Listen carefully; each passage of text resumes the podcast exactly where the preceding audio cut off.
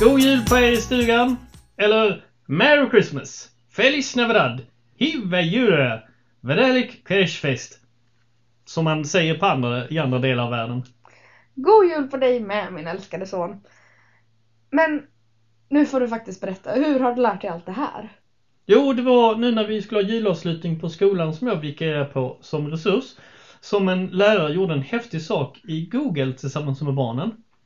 För först så frågade, först så frågade läraren alla barnen vilka språk de kunde, förutom svenska. Och sen gjorde vi översättningar eh, för alla dessa språken.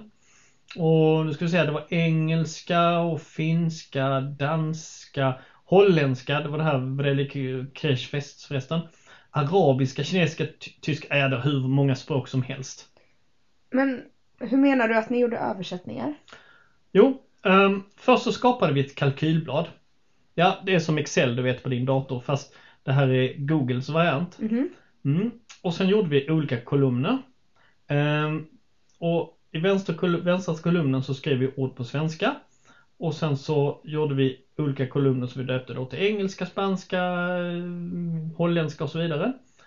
För att eh, få fram vilka eh, olika språk vi skulle översätta till. Och sen så kopierade vi in en liten formel i alla rutorna. Och den formeln den tog liksom det svenska ordet som fanns där och så översatte den till det valda språket i den kolumnen. Eh, och sen var det bara att skriva in olika ord på svenska och då översattes det helt automatiskt till eh, respektive språk. Så nu vet alla på skolan att julgran heter Mdiva Kris, Krismati på eh, swahili.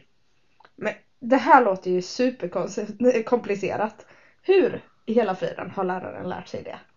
Ja, det var tydligen hur lätt som helst för att eh, läraren hade sett en instruktionsfilm som IKT-strategen hade lagt upp på sin YouTube-kanal och sen eh, berättat om i sitt nyhetsbrev. Så vänta, ta fram din dator så ska jag visa dig hur man gör. Ja, så kul! Du, då kan vi ju skriva en julhälsning och skicka till våra avlägsna släktingar i Etiopien. Du minns väl att din farfars kusin var missionär där på 50-talet Mm. och gifte sig och bildade familj i Addis Abeba. Och jag har nyligen fått kontakt med några av dem via Facebook så det hade varit superkul. Ja, det hade varit fantastiskt. Eller Vdinki som det heter på amariska. Det språket man pratar i Etiopien. Ja, men superkul. Vi sätter igång direkt va? Ja!